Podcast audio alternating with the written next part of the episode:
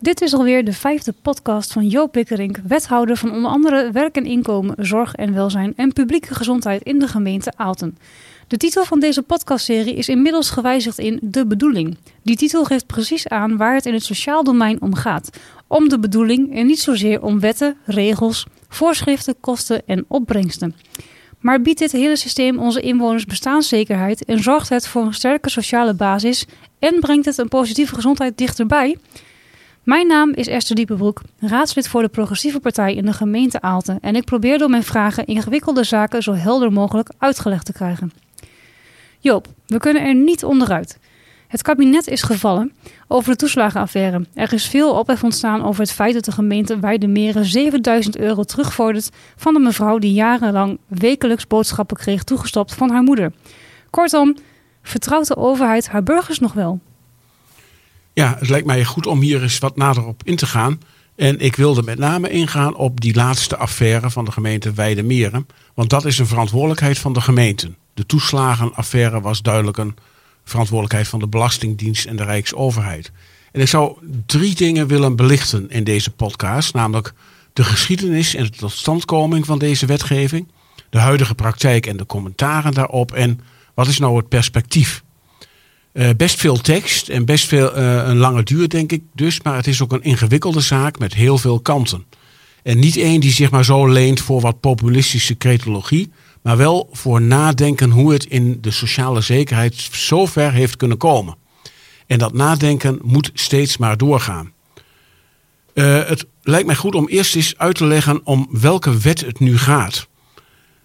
Dat was een aanpassing van de fraudewet, die heette wijziging van de wetgeving op het beleidsterrein van het ministerie van Sociale Zaken en Werkgelegenheid in het kader van de harmonisatie en aanscherping van de sanctiemogelijkheden ter versterking van de naleving en handhaving en bestrijding van misbruik en fraude. Zo, dat was een hele titel. Wet, aanscherping, handhaving en sanctiebeleid SZW-wetgeving in de wandeling. Die wet die werd ingediend in maart 2012, dus zo'n acht, negen jaar geleden door uh, staatssecretaris De Krom. Hij was van de VVD. In het kabinet Rutte, dat in de tijd gedoogd werd door de PVV. Die gedoogsteun die verviel in het voorjaar 2012. Waarop in mei 2012 het zogenaamde Lenteakkoord gesloten werd. Het ging hier met name om een hervormings- en bezuinigingspakket dat onderschreven werd naast de toenmalige regeringspartijen CDA en VVD, ook door GroenLinks, ChristenUnie en D66. Een van die afspraken was dat de toenmalige op stapel staande wet werken naar vermogen uitgesteld zou worden. In Rutte 2, uh, eh, met de PvdA dus, werd die wetwerken naar vermogen omgezet in de participatiewet. Echter, de aanscherping van de fraudewet en eerder de inlichtingenplicht in de wet en bijstand zat nog wel in dat lenteakkoord. Nou, als je nou kijkt naar die harmonisatie en aanscherping, wat houdt dat nou in? Uh, dat hield in die wet in en nog steeds dat het benadelingsbedrag, zoals dat zo mooi heet, moet worden terugbetaald plus een boete van maar liefst 100% van dat bedrag. In de tijd was de Raad van State uiterst negatief en adviseerde de wettekst vergaand aan te passen, maar dat is niet gebeurd. De gemeenten hadden op dat moment ook forse kritiek op de handhaafbaarheid en ongewenste maatschappelijke effecten.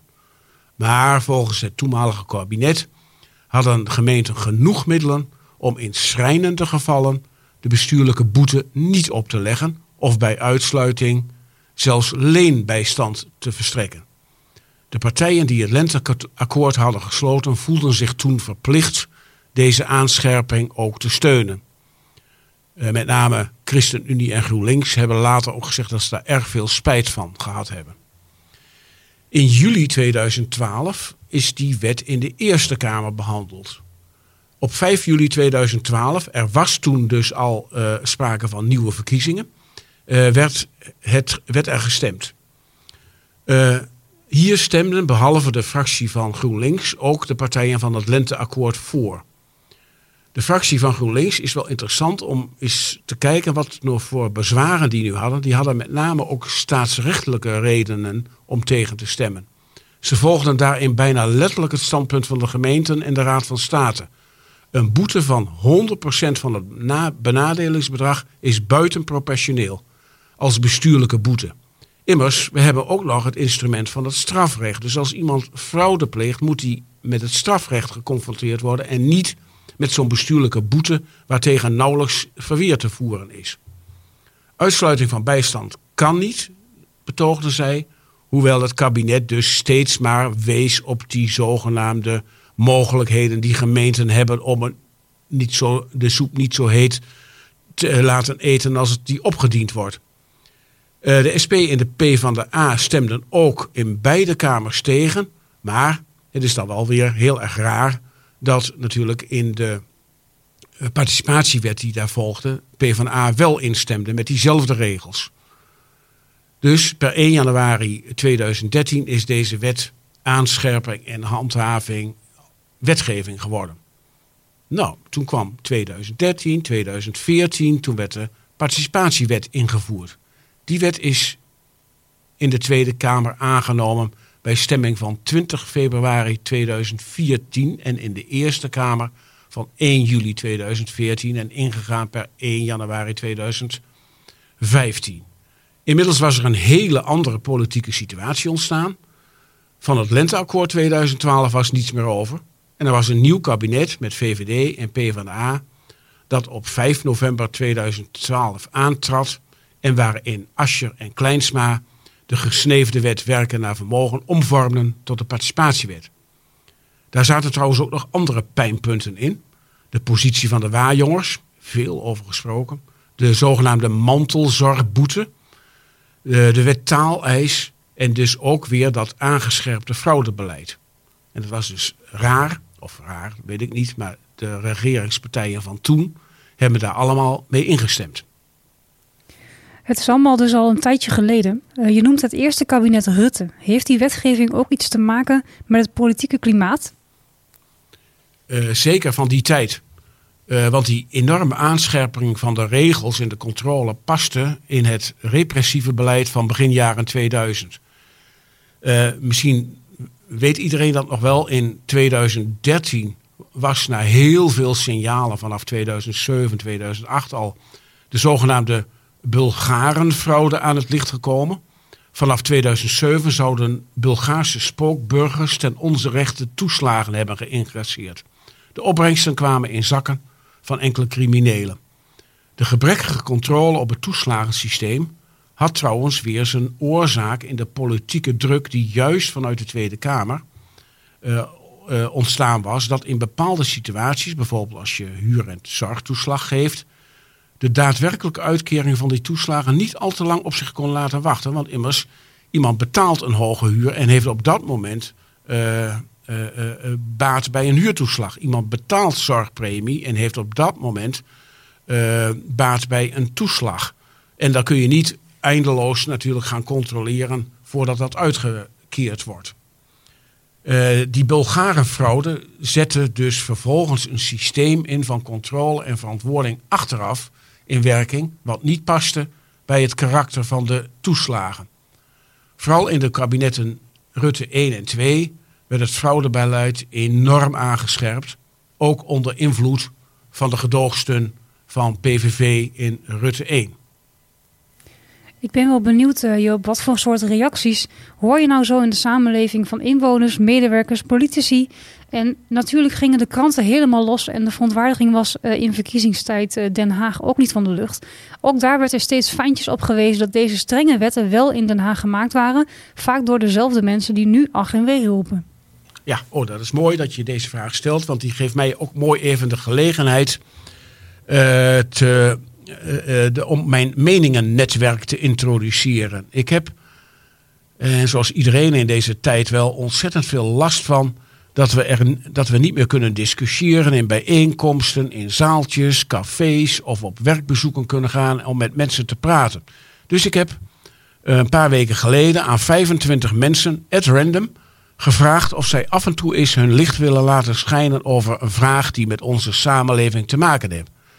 En er kwam een enorme positieve respons. Over de 75% De eerste kwestie die ik voorlegde was deze.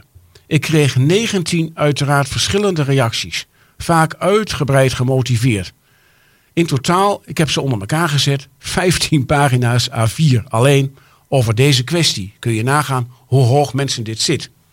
Nou, een paar reacties, echt wel van links tot rechts, was er overeenstemming over het feit dat fraude ook in de sociale zekerheid niet acceptabel is en ook bestreden moet worden. Zeker om draagvlak in de bevolking te houden. Iemand zei: wie doelbewust de zaak flest, moet worden aangepakt. Ook geven sommige mensen aan dat ze deze concrete zaak over die boodschappen in Weidemeren eigenlijk niet goed kunnen beoordelen, omdat er ook vanwege allerlei privacy-aspecten niet alle gegevens en de hele casus bekend gemaakt worden. En dat juist bij het oordelen over vermeende fraude of schendingen van de inlichtingenplicht het juist zo belangrijk is alle feiten en omstandigheden te kennen. Een tweede. Veel reacties gaan in op de ingewikkeldheid en soms inconsequentie van het systeem. De bureaucratie en de regels.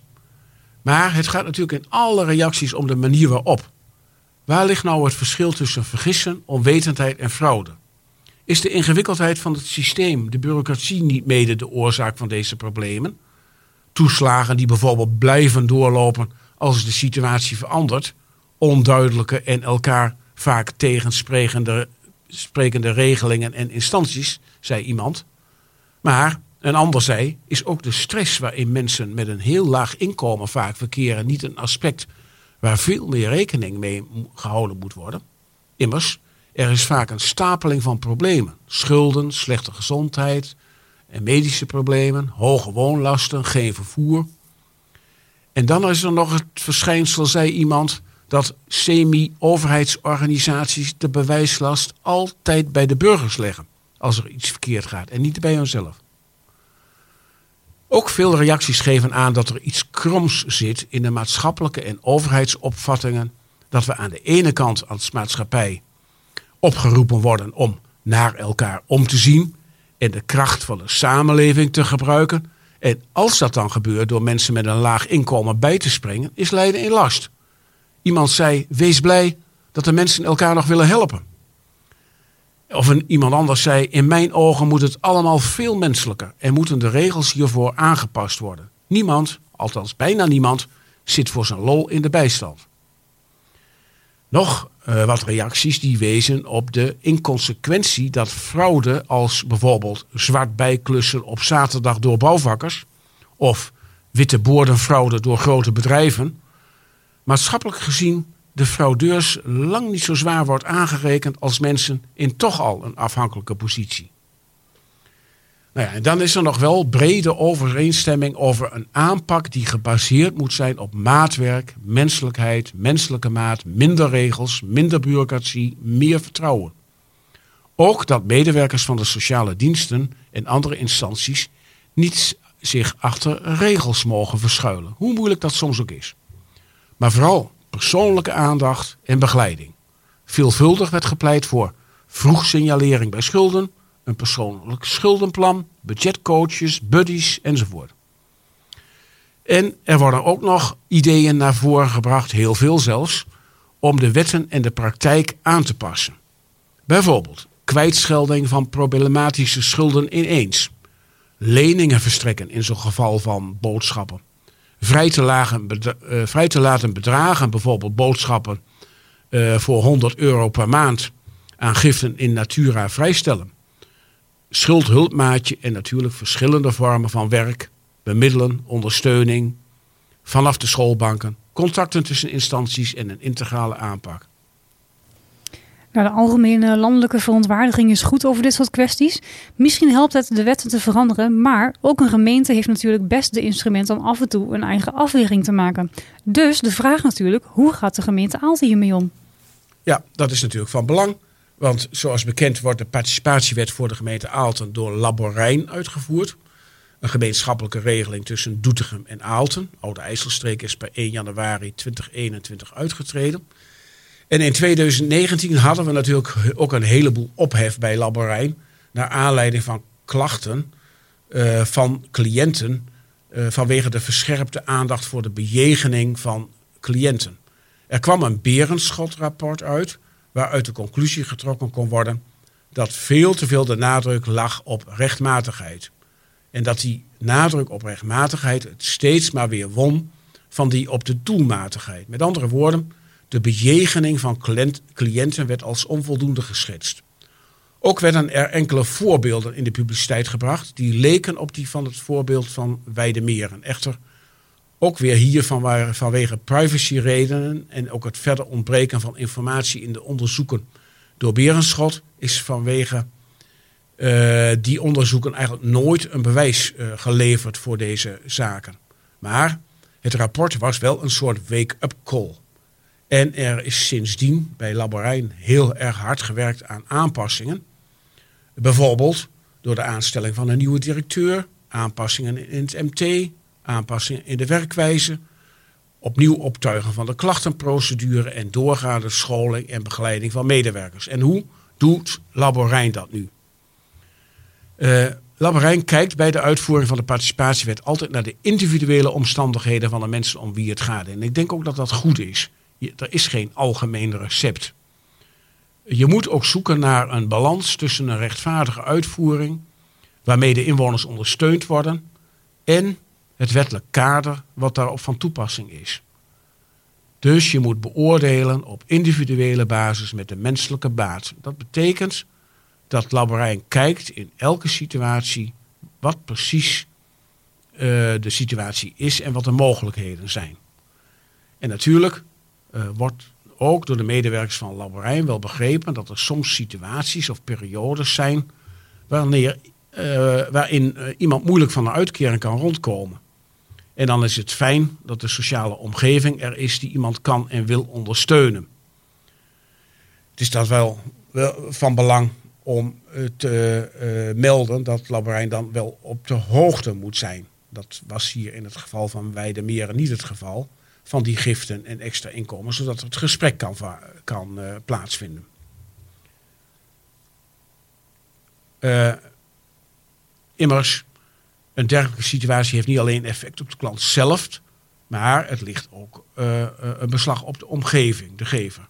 En vaak zijn er mogelijkheden of opties waar men zelf gewoon helemaal niet bij stilstaat. Maakt het dan eigenlijk nog uit of je lange tijd giften krijgt of bijdragen krijgt of af en toe eens? Ja, eigenlijk is het natuurlijk wel zo als je incidenteel af en toe eens een gift krijgt, is er eigenlijk niks aan de hand en daar wordt ook helemaal niet moeilijk over gedaan. Als je structureel ondersteuning krijgt, ja, en dat zit ook in je uitkeringsbedrag, dan zal daar toch over gesproken moeten worden hoe je dat dan doet. En ik heb hiervoor ook al aangegeven dat men altijd uitgaat van de individuele omstandigheden. Uh, uh, als een klant uh, bij Laborijn boodschappen ontvangt, een tas boodschappen, dan gaan, dat, wordt dat echt niet gecontroleerd. En ziet uh, Laborijn ook echt niet als haar taak om boodschappen te gaan controleren. Maar wanneer er natuurlijk langere tijd ondersteuning is, ja, dan moet je wel het gesprek over aangaan en kijken hoe je dat zou kunnen, hoe, hoe zou je dat kunnen oplossen. Uh, het gaat er hier steeds maar over dat het goede gesprek plaatsvindt. En dat er met de menselijke maat gekeken wordt naar hoe mensen kunnen overleven van in mijn ogen ook wel een te lage uitkering. er mocht iemand blijken, mocht er blijken dat iemand toch een periode te veel uitkering heeft ontvangen, dan moet er altijd gekeken worden naar een oplossing. En ook dan ja, moet het primaire doel voor ogen gehouden worden. Namelijk dat de uitkering tijdelijk is voor ondersteuning van mensen om uiteindelijk toch in hun eigen bestaan te kunnen voorzien. Maar hoe gaat dit dan precies in zijn werk? En is er bij Laborijn ooit wel eens sprake geweest van dit soort gevallen? Uh, ik heb al gezegd dat Laborijn uh, niet als, zichzelf als taak stelt om boodschappen te eh, eh, te controleren. Meedenken met de klant over eventuele oplossingen in het budget is altijd aan de orde. Op dit moment zijn er geen onderzoeken bij Laborijn bekend uh, naar dit soort situaties. Dus er zijn ook geen klachten of bezwaren over ingediend. Dus we kunnen ervan uitgaan dat ook die nieuwe manier van werken bij Laborijn nu werkt. En dat we nooit zullen kijken uh, of iemand uh, boodschappen in zijn koelkast heeft die van een bepaald merk zijn, zoals in Weidemeren gebeurd schijnt te zijn. Er, er, worden dus geen procedures of terugvorderingen op dit moment gebeurd. Natuurlijk zijn er wel klanten waarmee afspraken gemaakt zijn, omdat zij een structurele ondersteuning ontvangen. Ook daar kun je zeggen dat is op de hand van een, de vingers van één hand te tellen, maar dat gebeurt vooraf met instemming van de klant. En ook dan wordt er regelmatig een gesprek gevoerd hoe de situatie op dit moment is en of die nog ongewijzigd is gebleven. Kortom, de individuele benadering en het gesprek is van belang om zoveel mogelijk aan de situatie recht te doen van de individuele situatie van klanten. Nou, dat is een duidelijk verhaal. Eh, de, verant de verontwaardiging is natuurlijk aan alle kanten geventileerd. Alle fracties in de Tweede Kamer hebben of hadden inmiddels wel uh, verbeteringsvoorstellen gedaan. Hoe nu verder?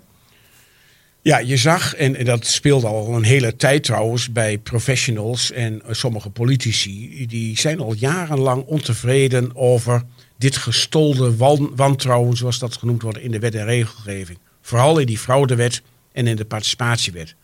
En nu blijkt dat ook in de samenleving een gevoelige snaar is geraakt. Ik vind dat uitstekend. We hebben lang geroepen dat deze fraudewet, een fraudewet gewoon niet proportioneel is en nu wordt dat ook door, breed door de samenleving ge, uh, uh, gevonden. Uitdaging is wel om nou deze gevoelige snaar in het juiste perspectief te zien. En ook de verantwoordelijkheden juist te benoemen en te adresseren. Politici, rijksoverheid, gemeenten, zowel politiek als uitvoering, hulporganisaties en inwoners zelf, zowel collectief als individueel. Nou, en ik vind het dan wel te simpel om daarbij hele groepen weg te zetten als potentiële fraudeurs, bijvoorbeeld de uitkeringsgerechtigden, hardvochtige uitvoerders, bijvoorbeeld de ambtenaren, of populistische politici die nu opeens roepen dat het toch een schande is, die wet die ze zelf hebben ingesteld. Dat schiet allemaal niet zo op dat je, zeg maar, gaat jij bakken. De bijstand, of nu met een verwarrende term participatiewet geheten, moet vooral bijstaan, ernaast staan ondersteuning inhouden. En dan zie ik uh, een drietal oplossingen die in de komende tijd aan de orde zouden moeten komen. Punt 1. Er zou een brede discussie in Nederland gestart moeten worden over de waarde van werk en inkomen, arbeidsmarkt en arbeidsomstandigheden. Bestaanszekerheid staat voor mij daarbij voorop. Er ligt een stapeltje rapporten van ongeveer onder andere de Wetenschappelijke Raad voor het Regeringsbeleid de zogenaamde Commissie Parslap en de Sociaal-Economische Raad, die een fundamentele andere benadering van werk en arbeidsmarkt bepleiten. Ik zou het goed vinden dat die rapporten in elk geval in de landelijke politiek geagendeerd gaan worden. Twee. Mijn persoonlijke opvatting is dat je dan, als je die rapporten goed leest, ontegenzeggelijk uitkomt bij het basisinkomen voor iedereen. Heel veel studies en praktijkvoorbeelden in het buitenland hebben reeds bewezen dat dat zo te organiseren is dat de kosten daarvan, de huidige toeslagen, premies, uitkeringen, niet te boven gaat. Maar wat belangrijker is, de publieke gezondheid wordt positief beïnvloed, de arbeidsproductiviteit gaat omhoog, de participatie van groepen die het nu moeilijk hebben op de arbeidsmarkt gaat omhoog en het besteedbaar inkomen gaat omhoog. Wat wil je nog meer? Drie, in de huidige uitvoeringspraktijk moet bejegening even zo zwaar wegen als de bedoeling van de wet en het naleven van de afgesproken regels. Dat betekent ook een individuele aanpak gericht op hulp en ondersteuning om zoveel mogelijk met gebruikmaking van de te ontwikkelen netwerken uit de ongewenste situatie te komen.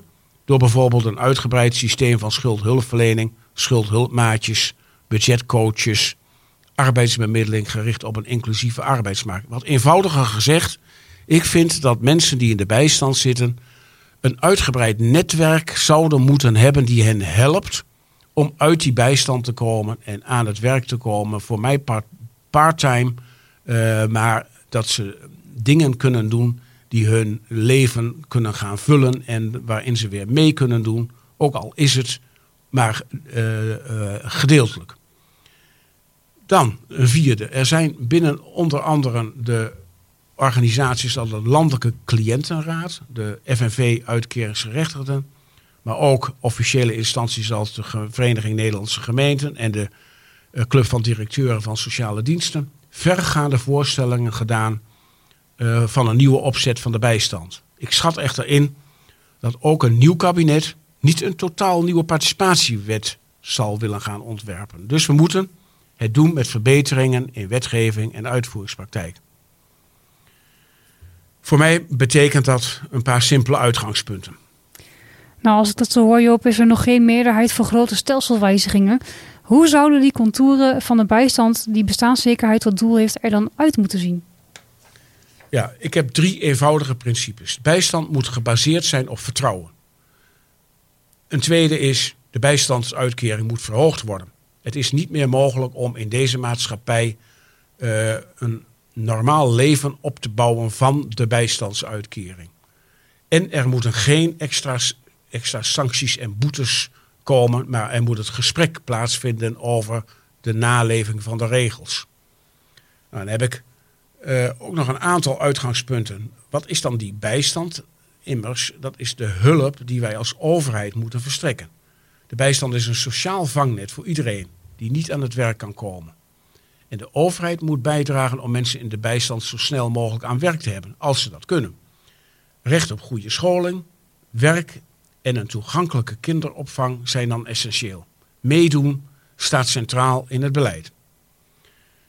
Het tweede wat ik, of het eerste wat ik ook zei, is vertrouwen in plaats van wantrouwen. Het huidige systeem is veel te veel gebaseerd, ik heb dat uitgelegd, op wantrouwen. Er is veel repressie en controle en weinig ruimte voor flexibiliteit. Dat terwijl minder regels en makkelijke bijverdiening juist voordelig zijn. Socialere bijstand zorgt voor meer zelfredzaamheid en dat leidt uiteindelijk naar beter werk. Mensen die vanuit, uh, en dan gaat het over die sociale bijstand, mensen die vanuit een uitkering een tijdelijke baan of deeltijdbaan vinden, moeten makkelijk tijdelijk hun uitkering kunnen pauzeren. Dat zorgt ervoor dat mensen aan het werk kunnen en voorkomt dat ze in een later stadium weer de bureaucratische rompslomp van het aanvragen van een uitkering in moeten gaan. We zijn er in de gemeente mee bezig onder het systeem Simple Switchen. Bovendien uh, willen we ook, dat wil ik zelf ook, dat die bijstandsuitkering omhoog gaat, zodat mensen beter rond kunnen komen zolang ze zonder werk zitten. Nou, dat zijn hele mooie punten. We hopen natuurlijk allemaal dat dit uh, wellicht gaat gebeuren de komende tijd. Maar dan hebben we natuurlijk ook nog die, dat andere enorme pijnpunt, de toeslagenaffaire. Niet zozeer een verantwoordelijkheid van de gemeente, maar kunnen ze toch wel iets doen? Ja, uh, we weten uit anonieme gegevens die we als gemeente hebben gekregen, dat er tien gedupeerden zijn in de gemeente Aalten. Althans, die officieel te boek staan bij de Belastingdienst als gedupeerden. En dat weet de Belastingdienst van elke gemeente, hoeveel gedupeerden er zijn. Maar de Belastingdienst mag die namen niet vrijgeven.